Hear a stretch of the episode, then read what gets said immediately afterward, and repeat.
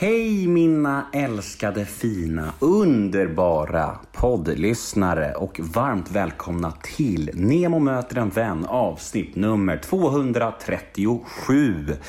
Och veckans avsnitt är ett gratisavsnitt tillgängligt för alla.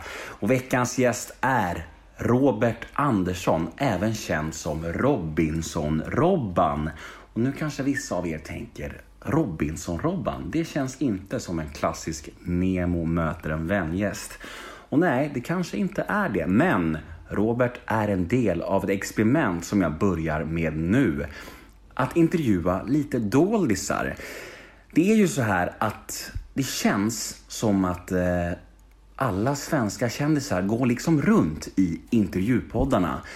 Du kan söka på en kändis och så har den kändisen varit med i alla intervjupoddar. Och det är lite tråkigt och eh, det blir liksom svårt att göra någonting nytt när man träffar någon. För att den människan har varit med i tre andra intervjupoddar och det blir lite trist. Även om jag känner att jag ofta kan få min personliga touch på intervjuerna så blir det ändå lite trist. Så därför inleder jag nu ett experiment där jag eh, intervjuar doldisar. Folk som kanske inte har gjort någon poddintervju men som ändå är kända för svenska folket. Människor som har synts i vimlet genom åren men kanske inte har gjort så många stora intervjuer och som kanske har glömts bort lite grann. För det är ju väldigt intressant att höra dessa människors historier också. Och exakt så var det med Robert Andersson. Jag träffade honom hemma hos honom på Kvarnholmen för några veckor sedan och han berättade hela sin livshistoria för mig och vi har ju flera gemensamma nämnare. Vi kommer båda från dokusåpavärlden och eh, ja, det var ändå intressant att höra hans story. För det fanns mycket mörker där, det fanns mycket sorg och mycket smärta. Och allt det här kommer ni att få ta del av nu. Ja, jag heter Nemo Hedén på Instagram och ni får jättegärna följa mig där. Och vill ni mig något så finns jag på gmail.com Men nu ska jag sluta babbla. Nu dunkar vi istället igång detta avsnitt av Nemo möter en vän. Nummer 237 i ordningen. Plats på scen för Robert Andersson. Rulla gingen. Nemo är en kändis, den största som vi har. Nu ska han snacka med en kändis och göra någon glad. Ja! Nemo, ja det är Nemo. Nemo möter en vän. Då kör vi. Sådär. Nu kör vi! Yes. Nu åker vi! Du kan ju ta dina bullar och ditt kaffe och njuta där borta. Mm, säger mannen som käkar bearnaisesås och, och eh, pommes här på sin Instagram. ja men det var ju faktiskt. eh, Jag, har bara, jag har fem dagar nu nyttigt och det var faktiskt fem dagar sedan det hände. Ta bullarna. Jag har donuts också. Jag vill jättegärna ta det men jag vill vara smal också. Alla är ju inte smala. nej, här tar du. sluta. Sluta. Alltså alla har ju inte sån jävla ämnesomsättning som du. Du ser väl ut som en hunk vad du än äter eller? Jag är 45 år gammal, kolla. Men du har ju ingenting. Vad fan? Pappamage. Du har ju ingen pappamage, vem försöker du lura? Det är sexigt. Ja, det är det. Nu kör vi igång tycker jag. Och vi är ju redan igång. Jag sitter här med Robban Andersson. Jag sitter här med Nemo Hedén. Ja, det är inte dumt. Nej, fy fan. Uh, fan, du... ehm, är det så vi ska kalla dig? Ro- Robert Andersson? Eller, eller hur tänker du om Robinson-Robban-namnet? Vad har du för relation till det namnet? Nej, det var ju rätt ofrånkomligt eftersom jag var med i Robinson att tidningarna började kalla mig. Det är ingenting jag själv hittar på. Nej. Robinson, Robban. Det rimmar ju nästan. Lite intressant är när de skriver om eh, den här långa smala killen i årets Ro- Robinson. Han heter också Robert. I, I min ålder. Då är det Robinson Robert. Ja. Vad fan? Förvir- förvirrande? Nej, det är Robinson Robban. Jag har trade, trademarkat det. Det är, det är jag. That's it. Ja. Hur känd är du på gatan idag kontra för 20 år sedan? Mm, bra fråga. För, för eh, idag kan jag gå på, på gatan utan att någon vänder sig efter mig. På krogen när någon har fått en bira i sig och funderar en sekund. Då jävlar. Åh, tjena! Robinson Robban. Men jag har en ro, rolig detalj där från hösten 99. Julhandeln på Drottninggatan. Då gick jag, ja handlade där. veckan innan sista avsnittet. Då kunde jag inte gå en meter eller fem meter på gatan utan att någon stannade mig. Tja Robban, läget? Vem vinner? Det var standardfrågan. Vem vinner? Jag kan inte säga vem som vinner. Skärp er för fan. Och det var alltså inte en meter på stan 99. Helt hjärndött. Och det var ju före selfies också. Det var före sociala medier och då man, hade monopol på dokusåpabranschen. Det fanns inget annat. Det var ju bara Robinson. Ja. Och då var det autografer som gällde, eller hur? Autografer överallt. Pannan på röven, på stjärten, på pattan. Ja, fy fan alltså. Alltså det är så här. ehm, det är 15, eller det är 20 år sedan du var med i Robinson va? ja, det är 99. Kan du sakna just det där som du beskriver nu, det här intensiva kändisskapet? Äh, så, så, det är gjort. Så nej, det, det gör jag inte. Nej. Eller ja, jag kan sakna att det var så jävla lätt under några år. Att, du vet, jag levde ju på det. Åkte runt på barjobb och minglade som mig själv runt om i alla Sveriges landskap jag var, förutom i helgdagar. Så, så jag tjänade pengar på det. Det var bra. Åka iväg på helgen, dra in några tusen. Lata sig under veckodagarna. Jävligt nice tillvaro. Insatsen. Vara dig själv. Tja! Hur är läget? Skål Robban! Bara, yes! Så det var du håller på med också efter Tylösand. Ja, jag har ju gjort samma sak. Precis. Så, så vi kommer ju komma till det. Men, Du, men du vet vad jag snackar om? jag vet exakt vad du snackar om. Och jag har nog varit på exakt samma ställen och jobbat för exakt samma Brinkenstjärna. Ja, det, det kan jag tänka mig. Men vet du, du känns ju idag som den största chillaren i hela världen alltså. För när vi, när vi skulle ha bokat den här intervjun, jag, jag har försökt boka den här och, vi, och jag har ställt in och du har ställt in och vi har båda så här gått om varandra lite. Men du har typ sagt så här, kan vi köra 14.00 för då vaknar jag? Så här, man bara, vad fan, vad fan är frågan om? Jobbar han inte? Vad gör du om dagarna egentligen? Nej, jag har faktiskt... Mitt liv består mest av rehabträning. Ja. Jag opererade axeln för tre veckor sedan. Så jag är sjukskriven. Pajade axeln i höstas. Efter att ha haft ont i axeln väldigt länge. Det tog det bara tvärstopp. Var tvungen att dra till akuten, så jävla illa var det. Konstaterade med en benpåbyggnad på nyckelbensleden. Så den har de faktiskt skurit bort 5 cm benen så jag kan lyfta armen igen. Samtidigt har jag fått ett diskbråck i nacken så jag har ont i nacken som satan också. Så, så det är lite oklart om det håller att jobba med. Men jag ska vara tillbaka på jobbet 5 juni. Så jag kan glassa några veckor till. Och vad är jobbet? Spårvagnsförare, tvärbana. Ja. Där börjar jag från morgon till kväll. Är det sant? Hur, hur är det då? Ja, det är väl bra. Ett bra jobb. Synd att klaga på det. Nej. Hur, hur hamnade du som spårvagnschaufför? Eller tvärbanechaufför? Nej, det där är också... Jag, jag, jag söker jobb efter fysiska förutsättningar. Ja. Ja. Jag var 20 bast, så blev jag opererad i ryggen, fick en vårdskada. Så, så jag har kroniskt jävla ont i ryggen. Ryggskott varje vecka. Så jag är alltså hos kiropraktorn undantagslöst året runt, en gång i veckan, liksom knäcker till ryggen. Svårt att ibland komma upp på morgonen och knyta skosnören. Ibland har ungarna får dra på socken, så jävligt är det. Eh, Så stå upp, det går inte. Sitta ner går inte heller. Så, så, däremot hålla med lite rörelse. Du vet. Sitta lite grann, köra spårvagn, byta ände, hänga i, i, i rören. Du vet. Ah, Jag står och sträcker mig och gymnatiserar när jag byter ände. Folk undrar, mina passagerare, vad fan håller han på med? Så där. Nu står alltså Robban upp och gör sit-ups och armhävningar här. Och... Nej, så gör jag på varje vända. Och det passar min kropp. Ja. Eh, Så jag är ytterst jävligt klent faktiskt. Ja. Du, må vara, du må vara snygg, men kroppen ramlar isär. Ja, den får ramla isär. Ja. Knäna ramlar isär, opererat båda senaste åren. Liksom. Foten, svårt att gå längre än några kilometer, stelopererat tår. Dra i stortån. Nej fy fan vad äckligt. Nej varför det? Jag, jag har sett dina blåsor i käften på Instagram här. Det här är... Nej vad du är elak! Törs jag låta Ja, dig ja. röra min tå? Ja, jag rör- kör dagen två. Ja, men alltså vrid på dem. Försök liksom... Den är helt stenhård. Ja, de är stelopererade. Ja. Okej, ja. Men, Jag har mycket krämpor och därför kör jag spårvagn. Det är det bästa. vad, vad är äckligast? Din tå eller min mun just Ja, nu? din mun, fy fan. usch. Måste jag tvaga? Har, du inte grävt i käften efter något? Peta bort Vi ska inte prata om mina munblåsor nu. Det är deprimerande. Jag vet om det. Ja. Eh, men vi ska... Fan, du, du är alltså världens, Sveriges äldsta 45-åring då, kroppsmässigt. Ja, ja, det är riktigt illa. Ja, ja. Det är faktiskt. Jag brukar inte gnälla så jävla mycket. I synnerhet inte för arbetskollegor och för min flickvän. Det är, det är mycket värre än vad det ser ut. Liksom. Du, eh, vi ska börja med en liten faktaruta eh, för de som inte har stenkoll på det. Nu är det dags för en faktaruta. Namn, Vad kan jag heta? Robert Andersson. Jan Robert. ålder, 45. Ja, och det är fan, jag var tvungen att fundera här, häromdagen. om- Var jag 44 började jag tänka. Nej, fan, jag fyllde 45 för en månad sedan. yrke, Spårvagnsförare. bor, På Kvarnholmen, Nacka. civilstatus slash familj. Ja, jag har två barn och en flickvän.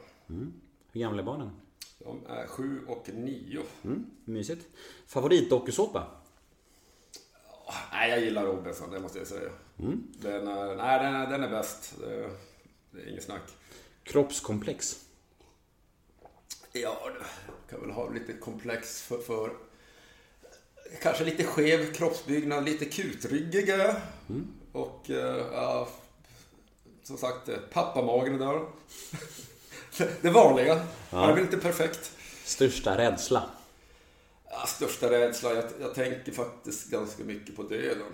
Jag, jag känner att livet börjar ta slut. Kroppen säger, säger upp liksom, kontraktet med mig. 45 bast och, och pallar inte att jobba med ett långt jobb faktiskt. Så nej, det känns, det känns som, som att sjuksängen är nära. Det är en jävla rädsla jag har hela tiden. Är du bra på att slå sånt från dig eller kan du älta sånt länge? Nej, jag slår ifrån mig. Jag har lite KBT. Jag tänker att det kan alltid bli värre. Liksom. Det, Okej, det är jävligt nu, men det kan, det kan ju vara värre. Det kan ju vara så att jag trampar på en mina och är tvungen att operera bort benen. Liksom. Sånt där lura skallen med, med, med, med, floskler. Går du i terapi? Nej, det gör jag inte faktiskt. Kanske borde? Nej, det är... Jag, jag, jag, är ganska hård. Jag, säger att sånt är trams. Fan, gå i terapi. Går du i terapi? Har du gjort det? eller? Ja, jag både har gjort och gör. Jag älskar Hjälpte det. Hjälpte det? Mot det jag sökte för, ja. Jaha. Ja, Vad jag, jag sökte, då sökte jag för tvångstankar som jag hade mycket. Eh, och det hjälpte. Okej, Eh, vad- det var vad- KBT just. Mm, det är kul att det är så, det är så roligt att du avfärdar det som trams. Det är så jävla gamla, gammaldags. Men det jag förstår ja, men KBT, det, det handlar ju om att du, du, ja, du har problem. Acceptera skiten. Acceptera det, gå vidare, älta inte. Det är KBT. Tanke, känsla, handling och Ja, när du har lärt dig det, och det visste jag redan innan. Och Det är bara, ja, googla KBT, acceptera. Ja, det har jag redan gjort. Ja men det är ganska mycket, just mina det KBT jag gick var ganska mycket mer invecklade än så. Men, men jag förstår hur, hur du tänker. Eh, men, men vi kan lämna det, annars kommer jag börja tjafsa om det terapi. Ta en bulle ner. Nej, aldrig! Ja, då äter jag upp alla. Gör det. Eh, vad är du mest stolt över? Nej, jag är mest stolt över att jag har två jättefina barn. Det är inget snack om den saken. Sämsta egenskap? Att du inte gillar terapi. Nej, det är, det är bra. Tänk, om alla, tänk om alla människor bet ihop och, och slutade gnälla. Sånt jävla gnäll hela tiden. Jävlar vad det där är norrländsk mentalitet. Satan alltså, det är det verkligen. Nu kommer norrlänningen fram i det. Ja, det, det är faktiskt. Jag tillhör det äldre gardet. Ja. Att man ska fan jobba och göra rätt för sig och inte gnälla. Att gå till jobbet, sluta gnäll din jävla kärring. liksom. Man ska jobba och göra rätt för sig, förutom när man dockar som på stjärna. Då ska, då ska man leva på barturné. Det finns undantag. Ja, det blir Ja, undantaget två år av ditt liv måste du leva, leva på barturné. Jävla hycklare alltså. Fan. Men vad fan, jag betalar ju moms för all mat jag köpte och det. Däremot var det ju bara svarta pengar som du kanske känner till. Ja, jo, jag är bekant med det fenomenet. Men det är fan preskriberat nu, är det inte det? Ja, ja, det är lätt. För din del i alla fall, men för min del är det på gränsen. Jag tror, är det, Fem år kanske. Ja, fem år. Får vi hoppas det i alla fall. Eh, Annars får vi bipa det här. Ja, men vad sa du om sämsta egenskap då? Det sämsta? Ja, det... Sämsta egenskapet? Jag måste tänka... Nu låter det som jag är helt jävla perfekt och inte har några dåliga egenskaper, men sämsta egenskap... Jag, jag försöker jobba på dem. Jag har genom åren varit rätt så här ganska okänslig. K- Kanske kan, haft lite svårt att sätta mig in i andra, andra människors perspektiv. Empati, empatibrist. Ja, kanske lite, men lite rufflig. Så, det är är så här, bit ihop, skärp dig liksom. Var, var, sluta gnäll, du, du har ju bara tandvärk. Lite åt det hållet. Men, Nästan som du gjorde med mig sist när jag sa att jag hade tvångstankar. Ja, precis. Varför jävla trams? Skärp dig Nemo! Och där knyter vi ihop säcken. Nej, men jag är bättre på sånt faktiskt. Jag har lärt mig på äldre dagar att ta ett kliv tillbaka och inte behöva gå i, i konflikt. Mm. Exempelvis med flickvänner. Det behövs inte. Ja, det, det är synd om dig. Ja, bra. Jag förstår. Mm. Så, då har vi löst det. Det är bra. Du, ehm, då var den faktarutan avbetad. Jag tänkte att vi ska ändå ta oss tillbaka lite till Gällivare, där du kommer ifrån. Mm. Eh, Du är född 1974. Hur länge bodde du i Gällivare? Jag bodde där i 25 år. Mm. Trivdes som satan fisken i vattnet tills jag bröt benet. Mm. Eh, Det året jag skulle ha varit med i Robinson 98, hoppade på en studsmatta hemma hos reportage och bröt det riktigt jävligt. Och var tvungen att flyga sån här ambulansflyg till, till Umeå efter några dagar. Jag höll på att förlora ser ärren här. Mm. Eh, Shit, vilket jävla R. Ja, det är som ett hajbett. Även på foten. Compartment syndrom. Jag fick inget blod ner i benet, så det dog en muskel där. Ja. Så. Alltså- Det som hände var att muskeln som lyfte tårna, den var borta. Så den andra muskeln drog ihop tårna. Så jag gick omkring med en klofot ett år sådär. Mm. Hoppade på hälar liksom, var sjukskriven på krig. Fan vad din kropp har tagit stryk genom åren alltså. Ja, nej, så det, det, det är bara att bita ihop som, som jag säger. Det här, är- det här är ju faktiskt varit riktig KBT för mig. Ja. Bryt ihop och, och, och, och varit riktigt jävla deppig. Är det nu- I synnerhet för ryggen när jag var 20, när allt slutade fungera. Mm. Jag inte kunde sitta på en stol, kan inte diska exempelvis. Jag kan visa hur jag diskar. Ryggen pallar inte hålla armarna rakt fram. Jag står så här och diskar. Så med huvudet mot luckorna. Mm. Och så spänner magen. Så jag jobbade som dealer, blackjack-bordet. Var tvungen att säga upp mig efter fem sex pass. Ah, ryggen knäckte nu! Började servera i Gällivare. Serverade, bära tallriken. Ah, ryggen benet! Ah! Jobbade som gympalärare, gammal skidåkare. Så jag vikarierade en hel vinter där. Ah, det går inte! Jag står upp, ryggjävel! Efter min operation när jag var 20. Jag hade ont i ryggen när jag tävlade skidor och stakade. Så var det en snilleblixt från en läkare. Du kanske har compartment syndrom i ryggen? Så han snittade upp mina fascior i ländryggen. Och dagen efter, då pajade jag bröstryggen. Det vart instabilt. Och så fick jag ryggskott konstant här nere. Så det jag lever med sedan 25 år tillbaka. Så jag hade två riktigt mörka år där jag var 21-22. Jag inte kunde hantera känslan av kriget. Livet tar slut, jag kan inte jobba med någonting. Det var... ah. Enda gången man var lycklig var när man var stenfull och hade krökat två biror och, och svepte 75 som gick på krogen. Liksom. Ja, Woho! Nu har jag inte ont.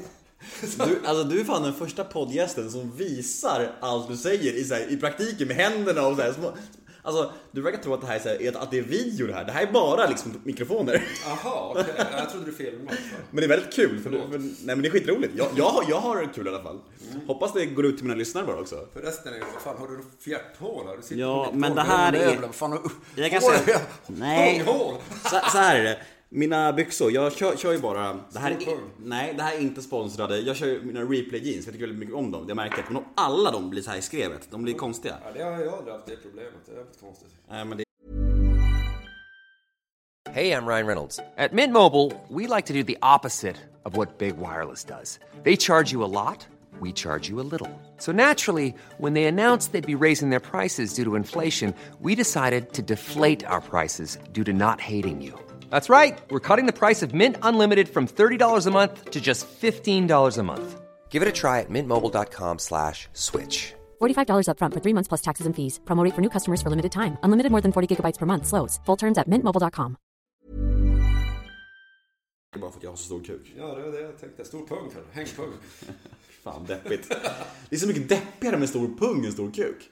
Ja, pungen, den är... Pungbrock, det är något du kan råka ut för om du har stor pung. Liksom. Alltså varför måste man hamna i sånt här snack bara för att man sitter med så här fellow dokusåpa-människor här? Det är så jävla väntat på något sätt. Fan alltså. Och ditt problem med åldern här nu. Pungen kommer ju bli längre än snabeln. Just det, pungen växer ju. Och vet du vad som växer mer? Öronen växer med åldern. Ja, och så vet du vad det börjar göra också? Växa hår i öronen. det är riktigt jobbigt kan jag säga. Ja, så du hade det ganska kämpigt de där åren innan eh, ditt genombrott om man säger så. Vem var du mer? Alltså var kommer du ifrån för uppväxt och hem och familj? Och är det liksom en lycklig och traditionell familj eller var det liksom en mörk, mörk barndom?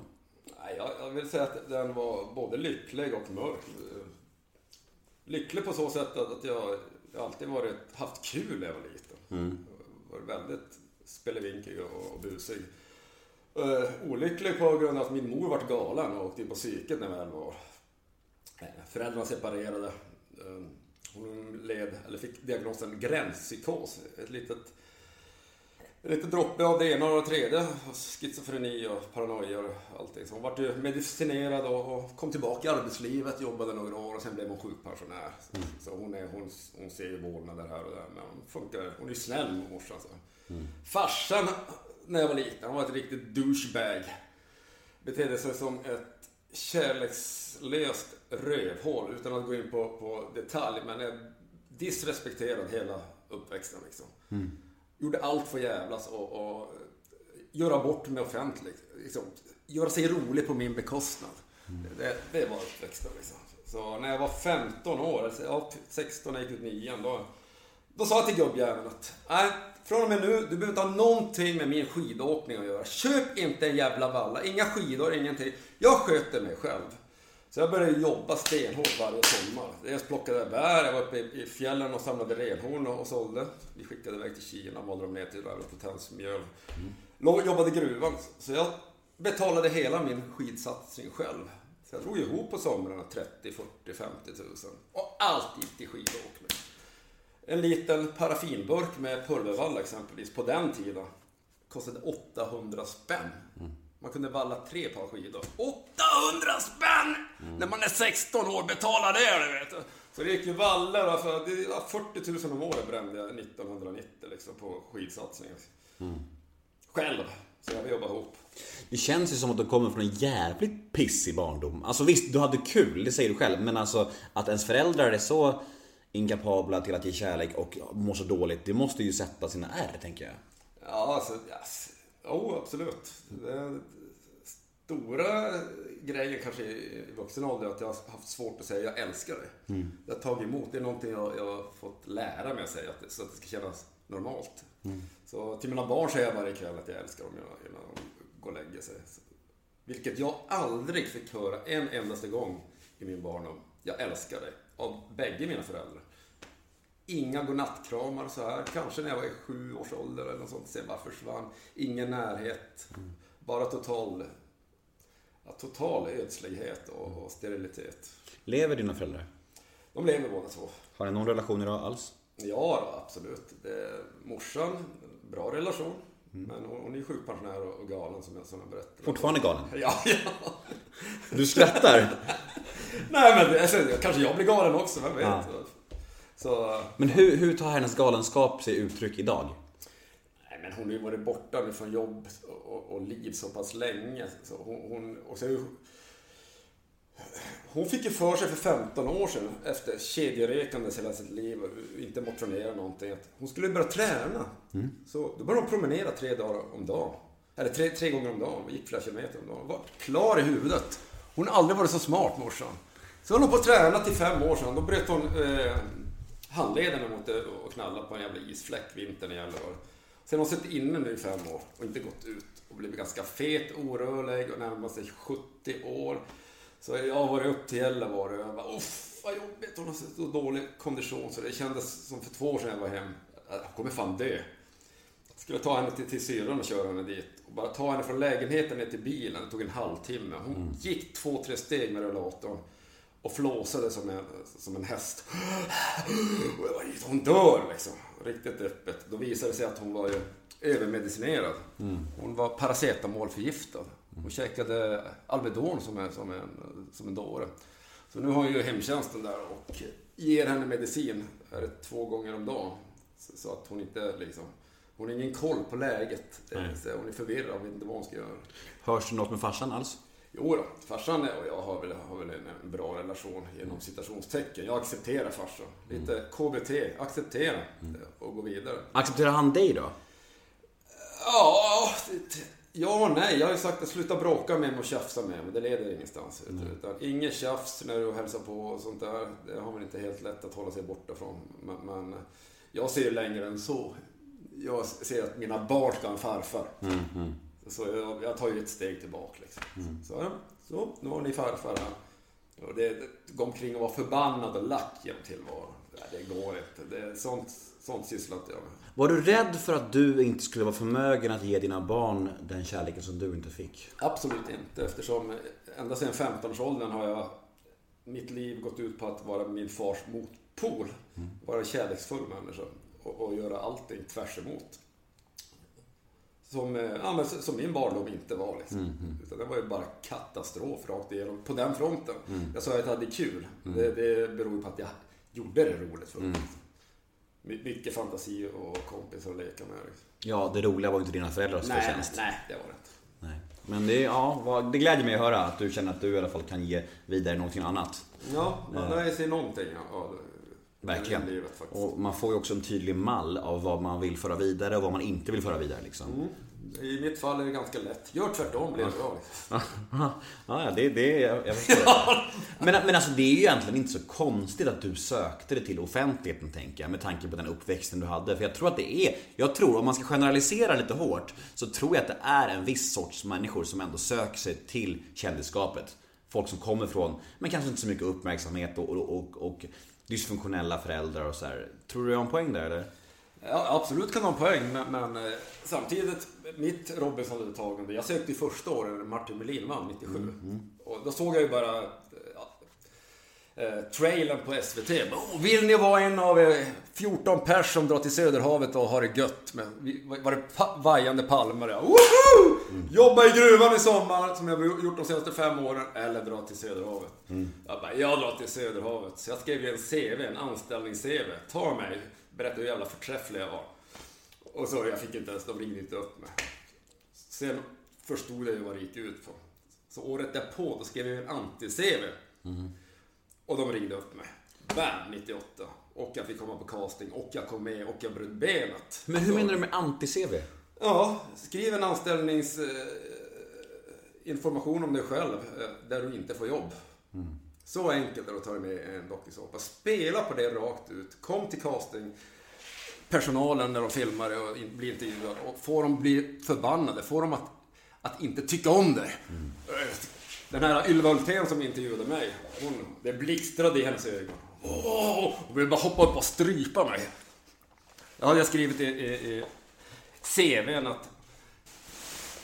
Ja, vad jag sysslar med? Ja, jag, jag går på a-kassa och driver runt och har det bara gött och, och super. Fan vad skönt. Och hon bara, vad menar du med det där? Alltså, bara ta det lugnt och gå på a-kassa. Ja, det är väl klart. Det finns så dumma jävlar som du, Ylva, som betalar skatt så jag kan glida. Sa du det på riktigt? Ja, ja, ja. Och hon bara, oh, det var vi kokade i henne. Åh. Ja, det är otroligt. Så, man, jag, gick in, jag gick all in på den här intervjun och höll på rakt igenom. Så hon trodde det här är för bra för att vara sant. Den där dåren, honom ska vi ha! Bara Ferdinand! Verkligen. Och när jag gick ut, då gjorde jag faktiskt så här. Jag gjorde det här hoppet. Jag stängde dörren bakom mig. Så, Klackarna i. Och jo då, jag var med. Så. Men okej, hur, hur minns du det här när du, när du kom hem och programmet började gå? Och eh, vet du det, vad, vad, har du ett första minne av shit nu är jag verkligen känd? Någon, någon första dag? Har du, minns du det tydligt? Mm. Ja, ja, eh, en rolig grej. Jag och Klas, en Robinson, kollega. Vi var ju nere och såg första avsnittet i Stockholm. Eh, och så gick vi ut på krogen, nattklubb sen. Och vi gick faktiskt ut på Spybar och tänkte nu jävlar ska vi se vad vi får för respons från brudarna. Du ska prova ert Vi ska kändisskap. testa kändisskap. Jag kan verkligen relatera, jag har gjort samma sak kan jag säga. Exakt Och det, var, samma och det var efter första avsnittet. Och inte en jävel kände igen Är det sant? Och det var så bara, vad fan! Robinson! Vi sitter och kollar flera miljoner på SVT! De hade väl ute och krökat hela kvällen. Så vi bara, äh, vad fan är det här? Vi drar vidare, vi tar nästa pub liksom. Då kom det två brudar. Två blondiner i 20-årsåldern. Åh, tjena! Robert Klas! Bara, wohoho! Och vi bara, yeah! Da, da, da. Det funkade. Ni bara säger, äntligen, det har fyllt sitt syfte. Ett avsnitt! Det var värt det. Det var värt det. Nu är jag klar. Lättraggat. Ja, ja fy fan. Men, Sen eskalerar det. det. ja, jag kan tänka mig det. Och eftersom att det bara fanns Robinson då så måste det varit liksom... Det måste ju varit så jävla extremt där ett tag. Och du sa det själv i början av intervjun där att du inte kunde gå en meter i julhandeln utan att folk stannade dig. Men hur... Tänkte du mycket på att du, du borde göra någonting av det? Förstår du vad jag menar? Var det så att du ville... Hur ska jag kapitalisera på det här kändisskapet? Eller var det bara så att nu ska jag bara ha så kul som möjligt? Det här var ju före Youtubes tid, tyvärr. Tyvärr kom Youtube tio år för sent, när jag hade lagt av nu, med, med, la- lagt ner mina drömmar. Jag pluggade ju på Malmfältens folkhögskola där när jag var 22-23 bast. Pluggade media, film och journalistik. Försökte söka mig vidare på folkhögskolor, de här större, bättre i Sverige, men kom inte in på dem. Jag hade för då- dåliga betyg. Så jag la ner de där drömmarna ett tag. Men ville filma. Jag hade någon, någon, tanke kring att, att jag är väldigt spelevinkel av mig. Göra någon slags dolda kameran, hardcore. Och, och liksom ha mig själv som slagträ och driva med mig själv offentligt och lura folk. Liksom. Det var vad jag ville göra. Det, jag drev den här linjen under mina medieår och försökte få gehör från, från, från produktionsbolag. Eftersom man kände ju mycket folk och träffade mycket folk i branschen. Liksom.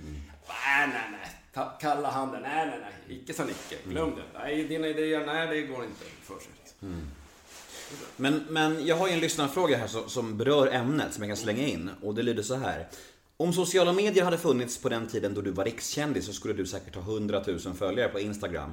Idag har du istället bara några hundra. Är detta något du reflekterat över? Är det något du är eller har varit bitter över? Nej, det, det är bara...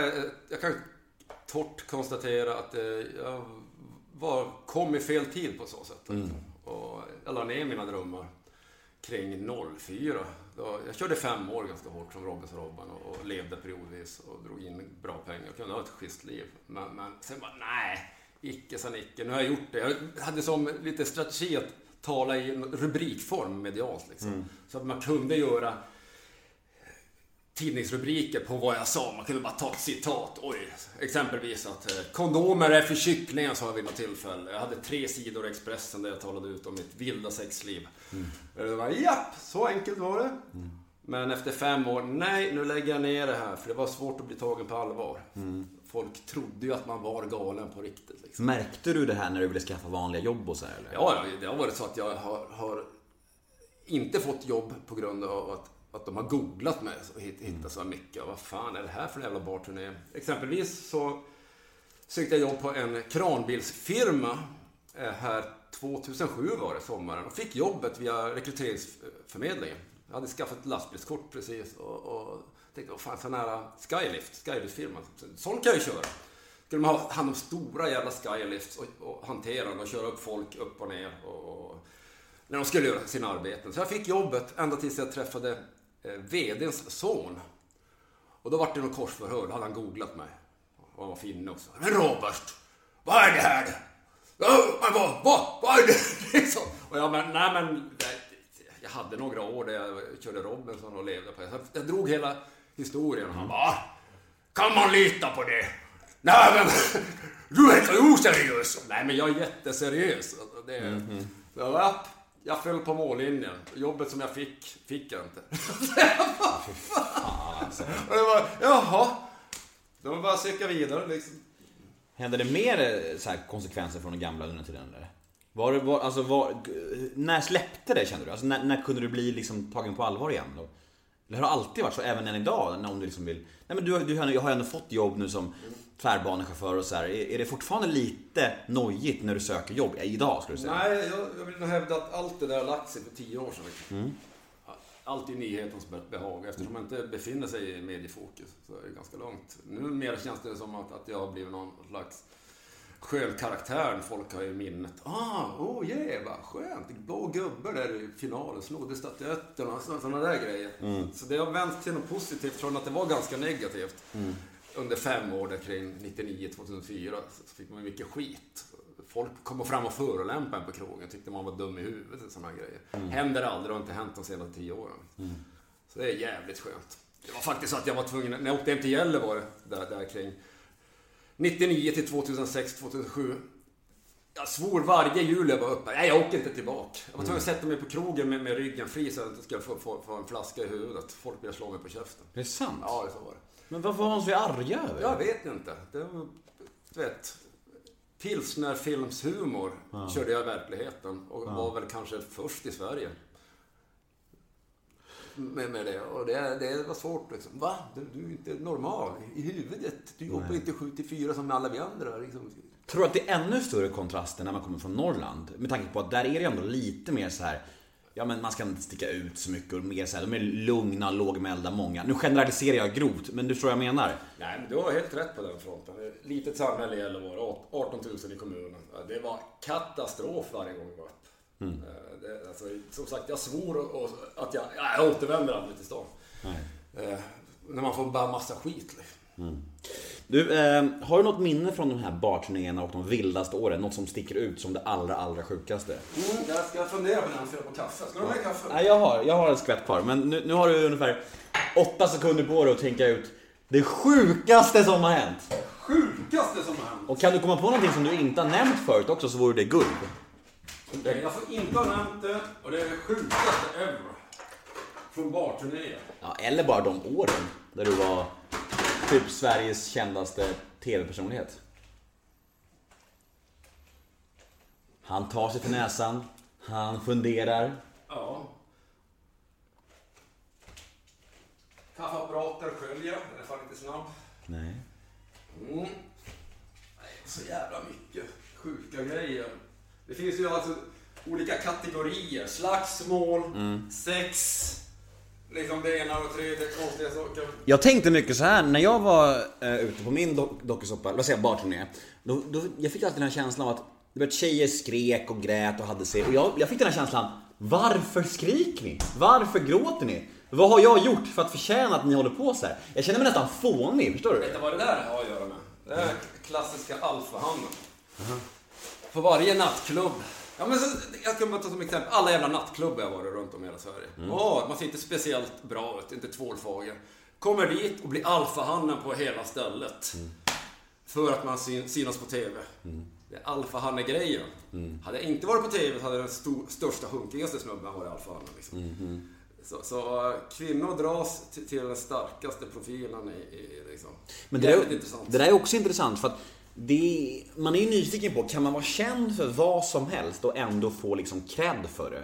För det, det är ju så att, alltså Breivik får ju för fan fanbrev och Ja, alltså, du vet, ja, så här, ja, ja. Torsten Fritzl får ju också det. Ja, ja. Alltså, och du, du, du kan liksom men jag minns när Joakim Lundell då, Jockiboi, förr i tiden när han höll på att äckla i sin blogg och du vet runkade i sin blogg och var Ja, ganska äcklig. Dagens Runk och Exakt. Han fick bajs. ändå massa tjejer och skit när han höll på så. Det är det jag menar. Det, det, du kan vara känd för nästan vad som helst och ändå få liksom brudar och sånt för det. Det är sjukt alltså. det är ju sjukt! Det är ju vansinne! Ja, eh, Du, du garvar? året eh, efter jag var med i Nu kommer storyn här, nu kommer Nej, nej, alltså, det var en annan Rob, en, en dokusåpa-kollega. Jag åkte på barjobb Mm. till Örebro med Godzilla från Wilhelm Dusa. Mm, Och han hade aldrig, varit på ett bargig. Och han är väl inte tvålfager han heller, så han kunde inte sin sjukaste fantasi förstå vad jag pratade om när det gällde madammer. Jag bara, Nej, jag har aldrig fått madammer i hela mitt liv. De vill inte ha mig liksom. Jo då, vänta bara. Ställde oss bakom bardisken och bara Åh! Och stod och slet i honom. Och han bara! Stod vi som gästbartender. Han blev portad från baren efter några groggar där eftersom han hällde halva glasen med sprit. Vi snackar en och en halv, två deciliter vodka varje och gav bort dem. Så, så, så. Nej, det, blir för dyrt. Och så doppade han pungen i dem. Han hade sin egen, eh, nej kuken körde han. Kukgrogg. Och det var här pung Ja, ja, ja, ja, jag tänkte jag kan inte, jag kan inte plagiera Godzilla med hans kukgrogg. Han rörde om dem med kuken och, och liksom desinfekterade sin kuk. Och brudarna drack upp de här eh, 50-50 groggen. Men jag körde punggrogg, det gjorde jag. Eh, Alltså jag rippar ju inte hans koncept. Det- Och det blev en stor mediagrej eller? Det- det- För när man googlade inför den här intervjun så var ju det en av alla artiklar, den här punggroggen. Mytomspunnen är den ju lite grann. Ja, faktiskt. Det, var- så här Robinson-premiär, barturné, eh, hösten 03. Det var lite löst folk från Big Brother. Linda Rosing var med bland annat. Och den här Brinken. Robert bara, kan du hitta på något kul ikväll? Jag bara, jo jag har citatmaskinen, men vad ska jag hitta på? Vi satt och söp i en halvcirkel på Harrys i Jönköping på scen. Det var det vi gjorde den kvällen. Folk stod och bara woho! woho! Satt och söp i en halvcirkel. Folk tittade på oss som apor i bur. bur. Och jag bara, vad ska jag hitta på? Jo, jag tar micken från DJ-båset och arrangerar en drinktävling. En drickatävling där första priset är en grogg. Så jag tog upp en brud ur publiken och en snubbe, fick de svepa varsin öl. Tjejen vann! Och hon vann en Red Bull vodka av mig. Som jag rörde om med pungen. Jag doppade pungen i va. Och hon tog den bara glugg, glugg, glugg, glugg. och pressen plåtade det här. Sen kom det ut i tidningen i Jönköping. Kristna Jönköping. Harrys höll på att för, förlora utskänkningstillståndet. och vet du vad jag blev? Jag blev avbokad från eh, hög, Höglandshotellet i Nässjö, fem mil bort. Två veckor senare. Han bara, ah, det går inte. Vi kan inte ha Robban, vi behöver vårt sprittillstånd. Så här. Så, Vad fan avbokar ni mig? Det var bara på skoj, är ni dum i huvudet liksom? Så det, jag förlorade pengar på det, 5000 spänn. Dålig business. Ja, verkligen. Eh, Men, men alltså tiden efter då, det här intensiva, när det började svalna, hur, hur var det? Var det svårt att hantera tycker du? Det här att liksom när, när den värsta och största kändisskapet började liksom dala? Var det jobbigt? Nej, det var, det, var, det var inte svårt alls eftersom jag redan innan jag åkte till Robinson jag, jag var så jävla revanschlysten efter jag hade brutit benet. Så när jag väl kom med 99 så ville jag bara ha plåster på såren på, från mitt mörka jävla år med, med klothår. Och jag hade fått en operation. Jag kunde fortfarande inte gå på Robinson. Tårna var fortfarande fucked up. Det blev mer operationer. Men... Eh, Nej, så jag var lite, lite lyx och flärd och glamour och party i mitt liv. Och jag bara, måste klara mig till sammanslagning så jag bara syns lite grann i. Så jag får göra några barjobb, snälla. Så tog man sig hela vägen till finalen. Woho! Jag bara, det är bara att flytta ner till Stockholm rakt av, vilket jag gjorde. Men alltså... Så fick jag flera år. Grejen var ju... Jag, förstod det, jag var tvungen att mata, mata svinet.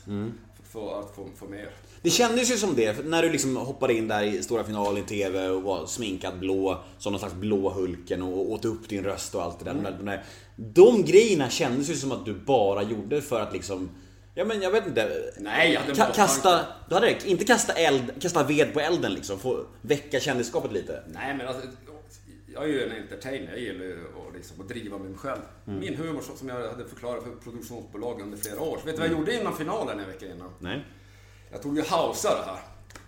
Medialt. Eh, Då gick jag ut på måndag innan finalen och berättade för Expressen Aftonbladet att eh, jag skulle smörja in mig i, i, klä ut mig till uteliggare och smörja in mig i koskit eller hästskit, sur mjölk och yoghurt och jag ska köra stink-TV.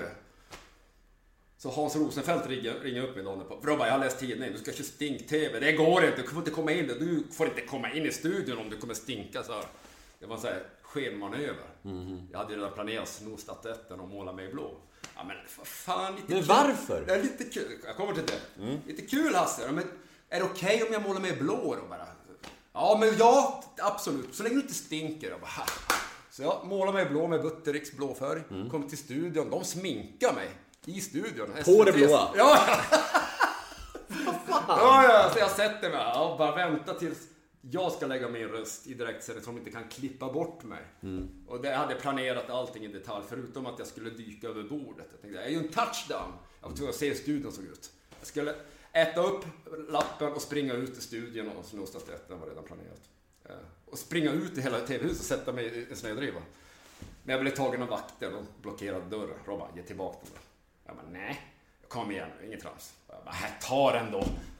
De hade faktiskt hyrt in två vakter för, för Vincent Hamiltons skull och jag. Vi hade hotat med kuppen. De hade två vakter på plats. För det var en till eh, dåre. Ja. Nej, men det jag gjorde innan, jag ringde till TV3 eh, 4 och 5 eh, kanalchefen och berättade att jag, jag vill göra verklighets-TV, humor. Och jag har, jag har eh, ett pilotavsnitt som jag vill visa för er. Jaha, vad då då? Ja, det är Robinson-finalen klockan åtta på lördag. Kolla den. Och de bara, "Ah, vadå? Vad menar du då? Ni får se. Så ringde jag tillbaka veckan därefter. Jag kommer ihåg Åsa Sjöberg som hon hette på TV4. Hon bara, nej det var lite för too much det där Robban. Och jag bara, vadå too much? Det var jättebra! Det var så kolla! Det var jätteroligt!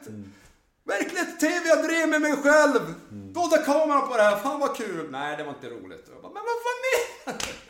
Så jag hade en baktanke. Och varför jag var blå, det har att göra med att, att eh, Brinkenstiernas polare som drev någon jävla EU-apoteket, de sålde Viagra. De hade fått nys om att jag skulle måla mig rosa. Eh, tänkte vara rosa. De bara, men vad fan, kan du göra reklam för oss då? Viagra, måla dig blå. Och jag bara, ja ja. Och, och så skriver du EU-apoteket på bröstet och sliter av dig kläderna. Ja, då vill jag ha 50 000 på det. Om jag ska slita av mig kläderna. Ja, de bara, 50 000! Nej, nej, nej. Det gick inte. Så det blev nedförhandlat. Jag fick 5 000 kronor. Och jag visade inte EU-apoteket, men jag var blå. Det var dealen. Jag tror någon människa gjorde en Viagra-koppling till att det var blå. Nej, men de dumma jävlarna! det var 3,3 miljoner i direktsändning och de kunde inte falla ner till 25 000. Jag la det på, på 50 000. Då har Så ingen vann. ingen vann, alla förlorade. Men alltså, och sen så några år gick efter det här och sen så fick du plötsligt ett barn. Och liksom, jag tänker att det måste vara sån jävla omställning från det livet du beskriver till att bli liksom småbarnsförälder. Det har ju gått bra så här med facit i hand, men, men kände du någonsin att har jag tagit mig vatten över huvudet? Hur kommer det här att gå? Kommer jag palla och lugna ner mig helt? Eller hur gick tankarna kring det? Jag, jag hade redan lugnat ner mig många år innan.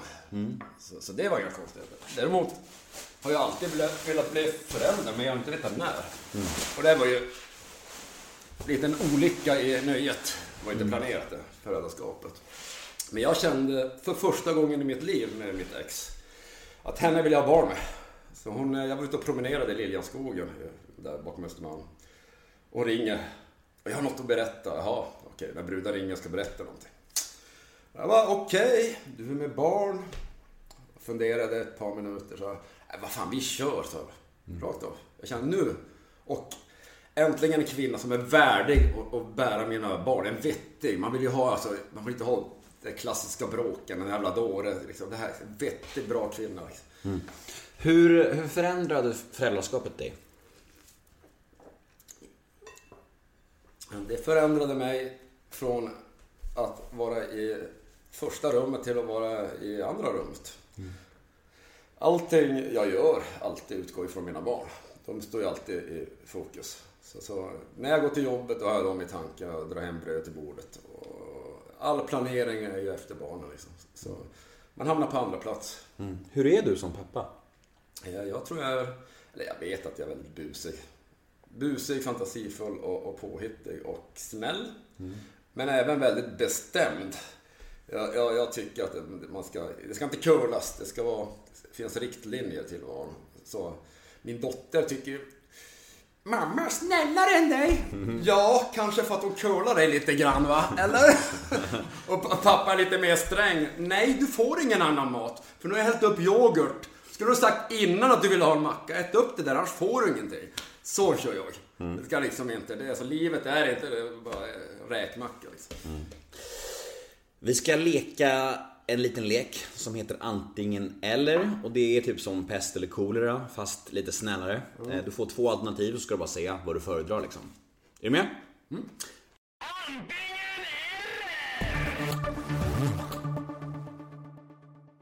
Förhållande eller singel?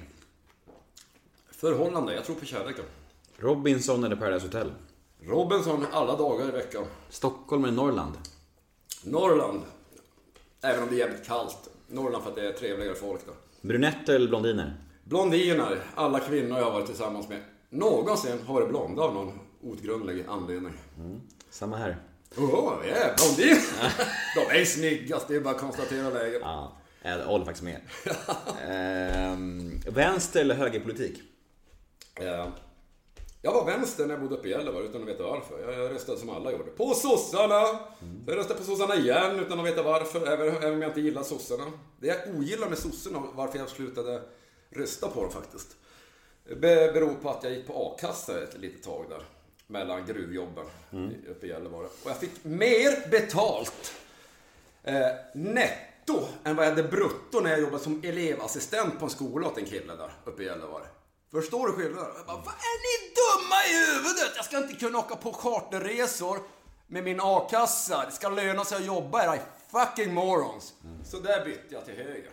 Det måste löna sig att gå till arbetet. Så jag bara, ja, ge mig pengar, tack. Eh, legalisera marijuana, ja eller nej?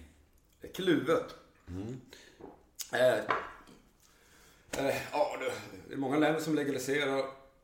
Det kan ju kanske på sikt minska brottslighet, kan jag tänka mig. Eh, Mm. Eh, det är en svår fråga. Eh, Robert Andersson eller Robinson-Robban? eh, Robert Andersson heter jag. Martin Melin eller Alexandra Sassi? Ja, båda är sköna, men eh, ja, jag vet inte. Oavgjort.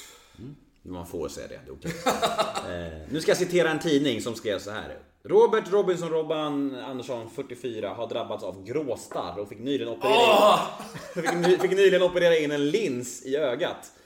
Samtidigt tampas realitystjärnan med en trasig kropp och svåra smärtor. Det är faktiskt så att den enda gången jag inte har riktigt ont är när jag är full eller sover. Vad har du för relation till alkohol egentligen? Ja, eh, hade jag haft alkogenen i mig då hade, jag, då hade jag varit körd eftersom jag har så jävla ont. Jag dricker bara alkohol för att njuta. På äldre dagar med en flaska vin till maten. Aldrig har druckit för, för att dämpa smärtor. Så.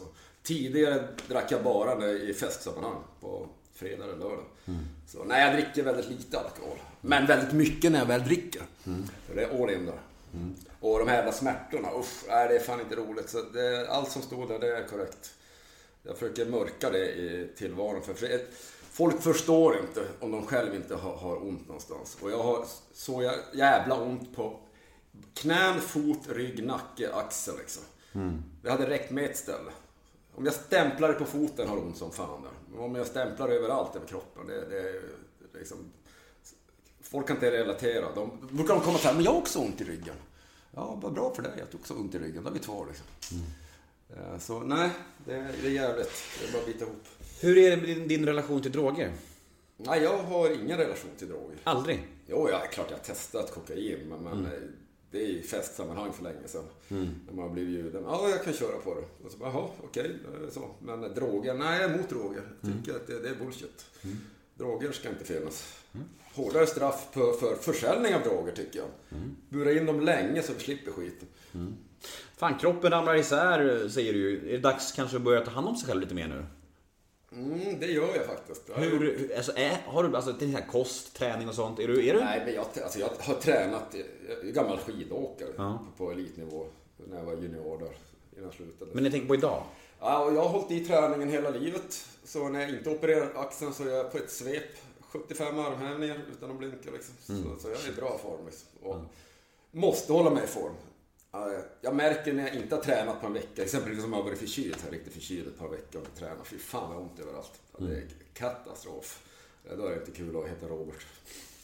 Nu har vi ett segment som heter ett ord om, som går ut på att jag säger fem stycken svenska kändisar och du ska säga det första ordet som kommer i ditt huvud när du hör namnet.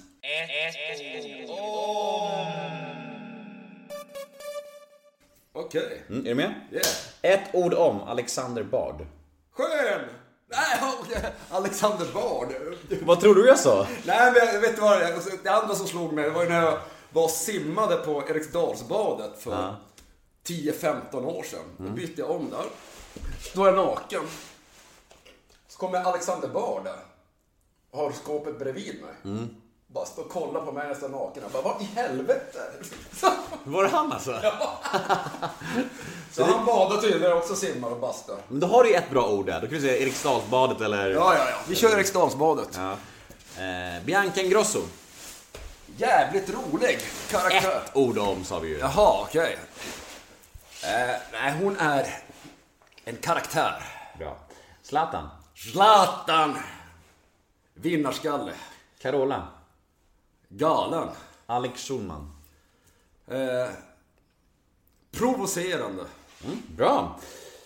Min känsla är att eh, hela ditt, ditt liv har... Alltså ta det här rätt, men hade det varit lite på skoj? Förstår du vad jag menar? Du tar mycket av livet med en klackspark, så att säga.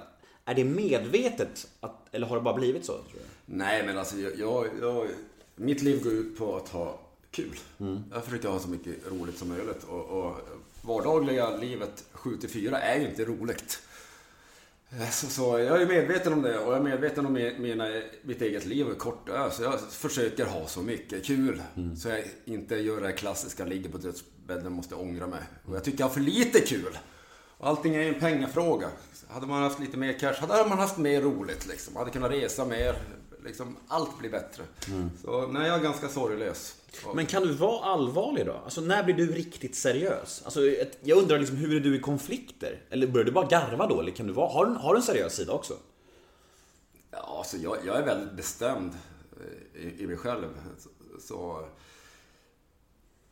Konflikter, ja...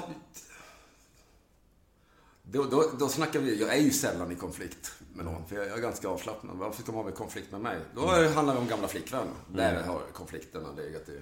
Och det har att göra med, med kanske starka viljor. Och jag är, ja, jag är bestämd. Så,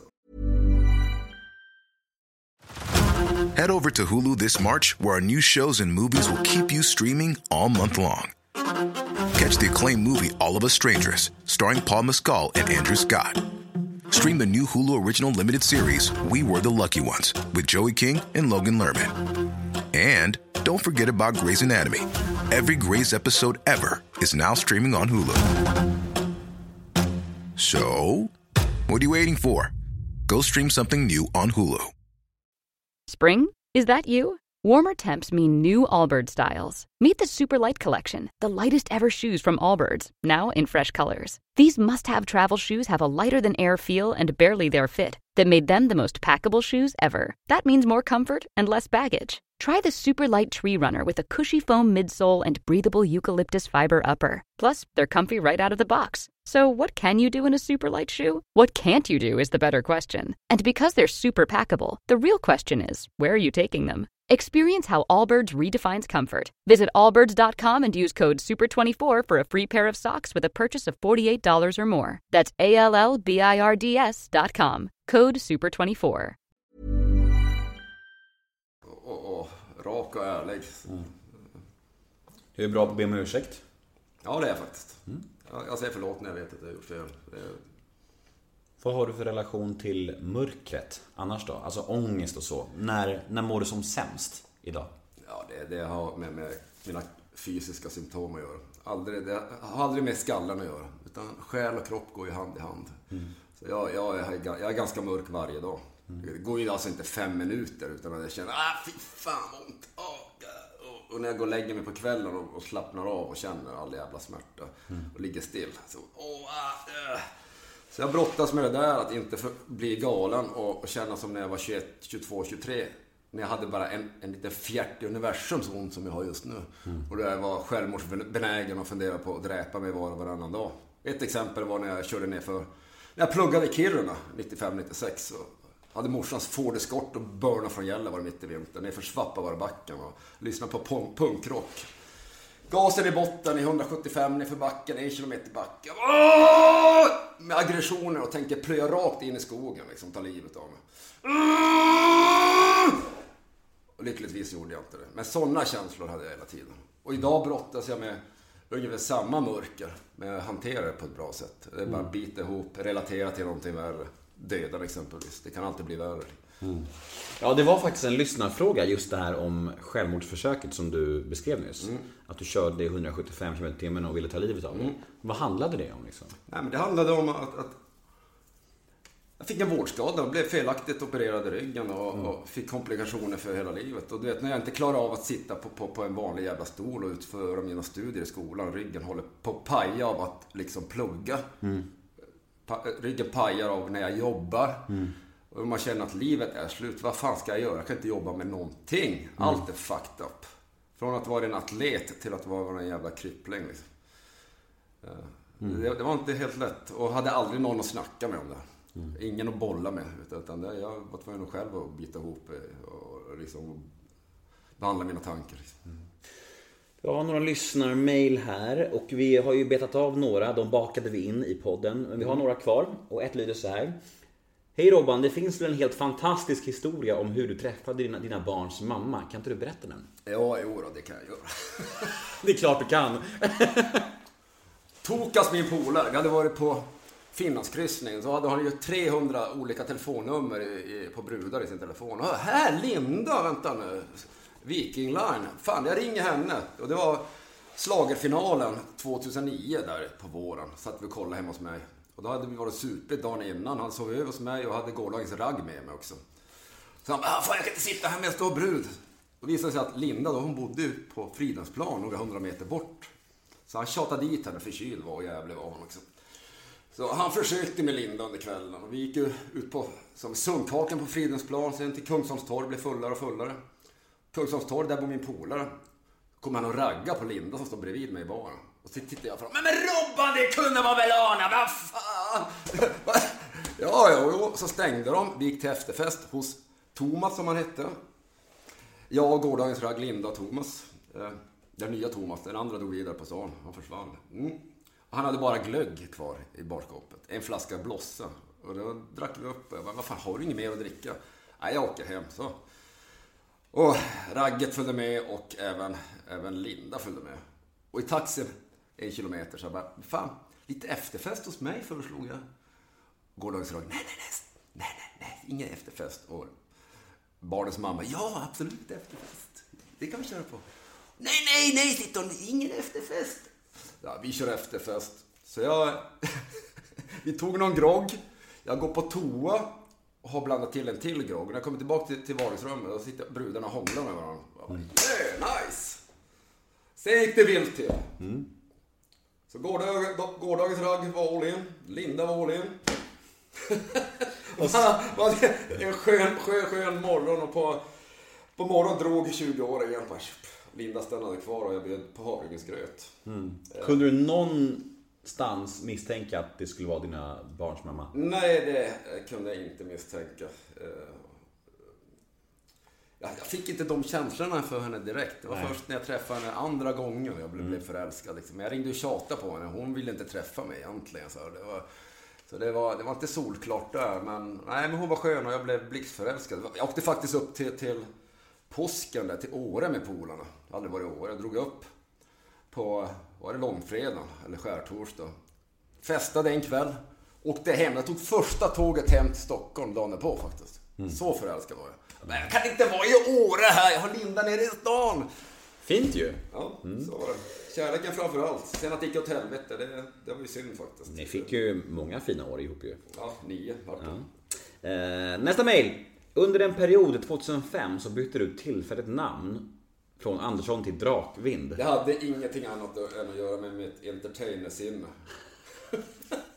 Jävla fattigt, förlåt Ja, det jag. Drakvind! Ja, jag vet. Och, jag, jag fick tokångest direkt. Jag, var, åh, vet du, jag hade så här en klump i magen i en vecka. Vad har jag gjort? Men där är ett sånt exempel där jag tänker så här, det där måste han ju bara ha gjort för uppmärksamheten. Ja, ja, ja, visst är det Ja, det. ja. Entertainment. Driva med mig själv. Så, ja, jag skickade en ansökan till PRV. Jag tror det kostade var tusen spänn att byta tillbaka till, till Andersson. Ja. Så jag hette Ja. Drakvind en vecka.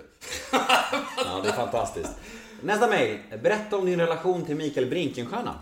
Fantastisk människa. Vi har haft mycket kul ihop. Och när jag flyttade ner till Stockholm så visste jag att det skulle bli Brinkenstierna-turnéer. Så jag åkte ner och bara väntade på att Han skulle ringa. Han skulle ringa. Ja, ja. Jag tog- kan relatera igen. Ja, jo då, han skick, då fick jag ett, ett brev skickade han i brevinkastet. Han tog reda på adressen. Så jag ringde upp honom, hade han kontor i Stockholm. Så jag träffade honom, och vi tog en krökarrunda. Gick ut på Tiger på gamla krogen. Fast drack han då? För han dricker ju typ inte Nej, någonting. då, nej, men då söp vi så in i helvete. Ja. Vi söp så jävligt. Där. Vi gick vidare till Café Opera och då, Mm. apropå Army of Lovers och Alexander Bard. Jean-Pierre Barda och Camilla Henemark var på, på kaféet och jag bara yeah, Jag äl- älskar Camilla Henemark. Ja, så jag, jag stod och shottade järnet med dem. Sen drog Brinken och jag hem samtidigt. Och jag var så jävla radiostyrd. Eh, så jag tog mig till förorten, till Örby. Jag spydde ner hela jävla toaletten. Det var som en jävla... Kom knappt ihåg att jag hade varit ute. Det var mitt första möte med Brinken. Nej, jag, jag älskar honom också. Han är fantastisk. Han är, han är ett original. Ja, nej, så vi har haft mycket, mycket galna, galna grejer. Och han har alltid varit... Vi hittar på massa roliga nyheter. Han kunde ju ringa till kvällstidningarna. Så hittade vi på massa skit som inte var sant. Liksom. Men han var ju så, alltså, allt som man hade hört om Brinken var ju sant. Att han var så här hal och jävligt, alltså, speciellt på många sätt. Men, men om man bara liksom så här, alltså var tydlig med honom och vi, alltså, vad man hade honom så här, då var han jävligt, han var ju jävligt lojal på ett sätt och han stod alltid upp för en liksom ute på bargiggen och var jävligt så här, jag älskade honom, jag tyckte han var skitnice. Men jävligt knasig och speciell och skev såklart också. Ja, men han, han är ju en skön person, en, en, fantastisk karaktär. Så det är Ja, sådana- verkligen. Det är sådana människor som man älskar att man har lärt känna. Ja, ett, verkligen. Ett unikum utan dess like. Ja, verkligen. Så, så. All kärlek till Brinken från, Yes. från oss. Eh, nästa mail. Berätta lite om din medverkan i Let's Dance. Hur bra betalt fick du? Är det lika mycket knullharem som folk skvallrar om? Jag tror inte det var något knullharem alls den säsongen jag var med. Nej. Eh, Det var ganska sterilt. Och eh, jag var med i tre avsnitt. Eh, åkte ut. Jag klarade mig faktiskt. jag, fick sen, jag fick tre stycken tvåor i första betyg första gången jag dansade. Och låg pyrt till. Men jag dansade upp mig, så jag åkte ut som nummer två. Vilket var mitt mål, att inte åka ut först. Så jag var med i tre avsnitt och fick 90 000 kronor för det. Ja, det är bra ändå. Det, det var väldigt bra betalt jämfört mot jag var skambuden varje gång de har ringt från Robinson. Gissa vad de har gett? 10 kanske? 20 000 i lön och så skatt 13 000. Så ska man vara borta 6-7 veckor. Täcker ens levnadskostnader, lån, amorteringar. Och folk köper skiten. För, är liksom... Otroligt. Du, eh, vi börjar eh, så smått eh, komma till poddens slut ju. Jaha, det var det värsta. Ja, vi har ändå hållit på, vi ändå hållit på typ en timme. Bulle, bulle. Nej, fortfarande inte. Och jag hoppas inte du har smaskat så mycket nu för att mina, mina lyssnare brukar vara otroligt känsliga med det där. Ja, men- alltså, nej, gör inte det. De blir så arga. Eh, avslutningsvis så har vi ett segment som heter Nemos känsliga fråga. Ja, ja. En lite känsligare fråga. Ja, ja. Finns det något som är känsligt för dig? Nej, ingenting faktiskt. Nej, då så. Då provar vi det här. Nemos känsliga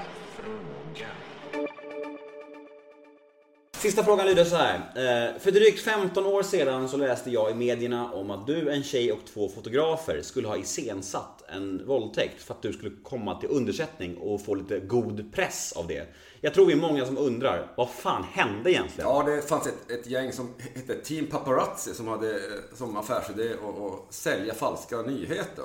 Och de, skulle, och de var faktiskt involverade med Brinken där ett tag. De ville starta ett tv-program, Team Paparazzi. Det, var, så det var någon idé de hade. Och de hade ju kört en klubb i Haninge. En klubbverksamhet på helgen. Så de bjöd dit mig och det var efter jag hade avslutat Robinson-Robban-projektet.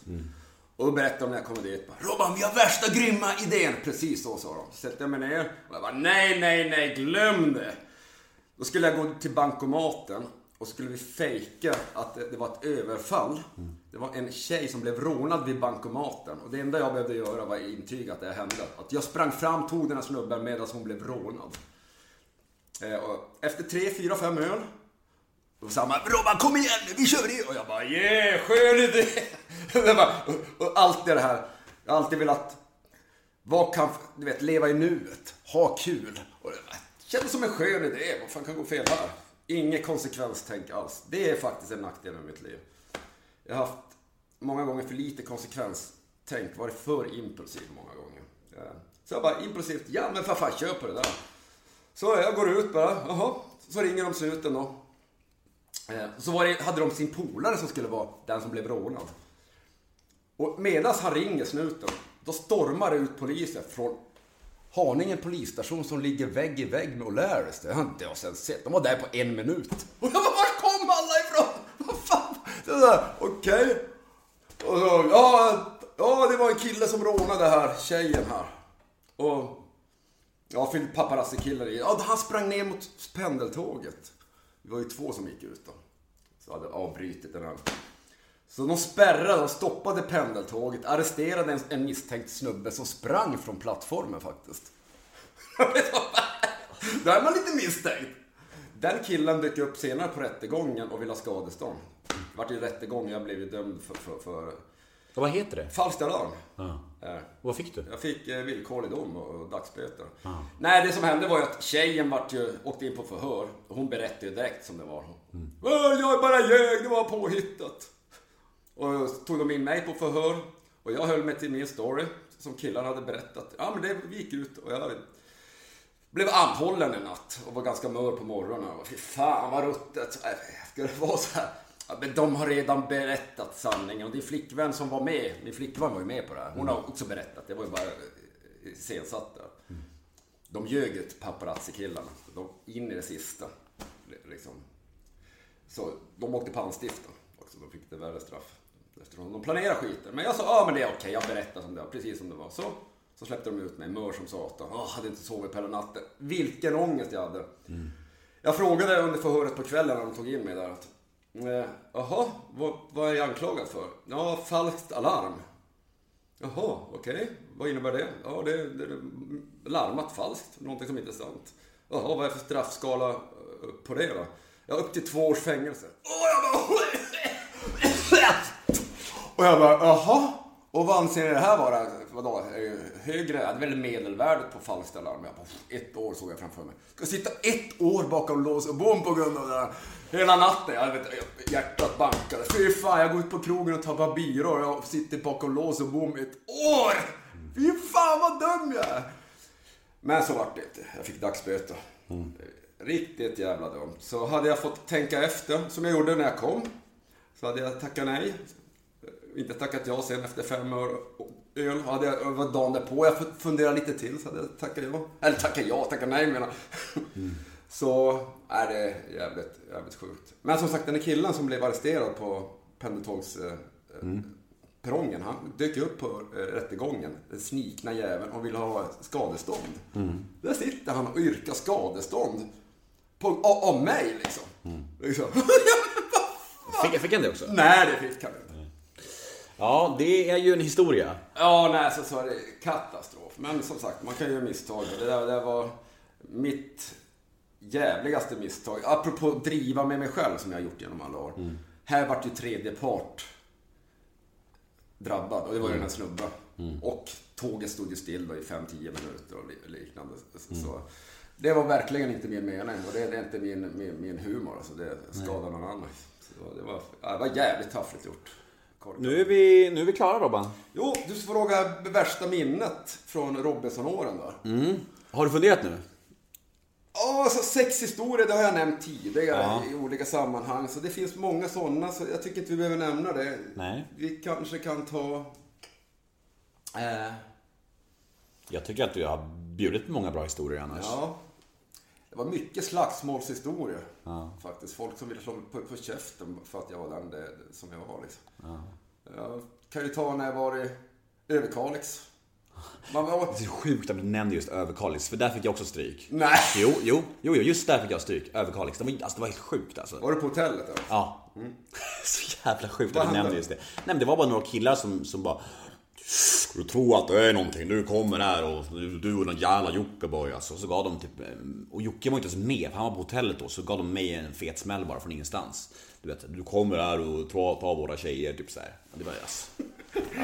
Ja, Överkalix, det var Överkalix marknad sommaren 2002. Jag är där med, med min polare. Sitter ner ganska tidigt på kvällen. Eh, sitter en tjej i mitt knä. Ja.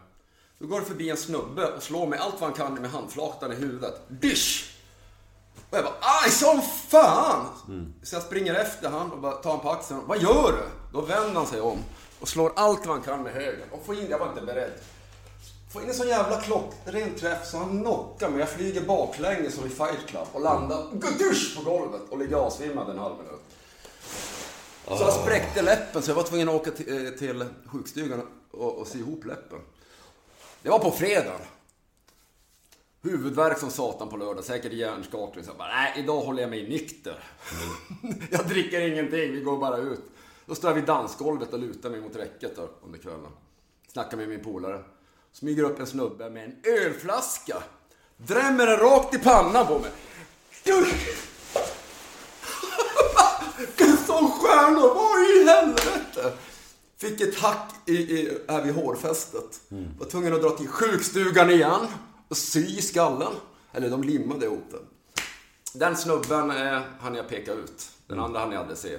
Utan, så jag sprang efter vakten och dut, dut, dut. polisen tog han. Han fick två månaders fängelse för grov misshandel. Så vi har Det båda, var Överkalix. Så vi har båda fått, fått stryk i Kalix? Ja. Överkalix till och med. Ja. Jajamensan, hårda bud. Ja. Du, tack för den här eh, pratstunden. Det här var ju supertrevligt. Detsamma kan jag säga. Ja, Ska du ha en bulle? Nej, fortfarande inte. Du, är det några sista visdomsord du vill säga? Kör bara, kör. Ja, precis. Ha kul i tillvaron. Ha det bra, hej då! Nemo är en kändis, den största som vi har. Nu ska han snacka med en kändis och göra någon glad. Ja! Nemo, ja det är Nemo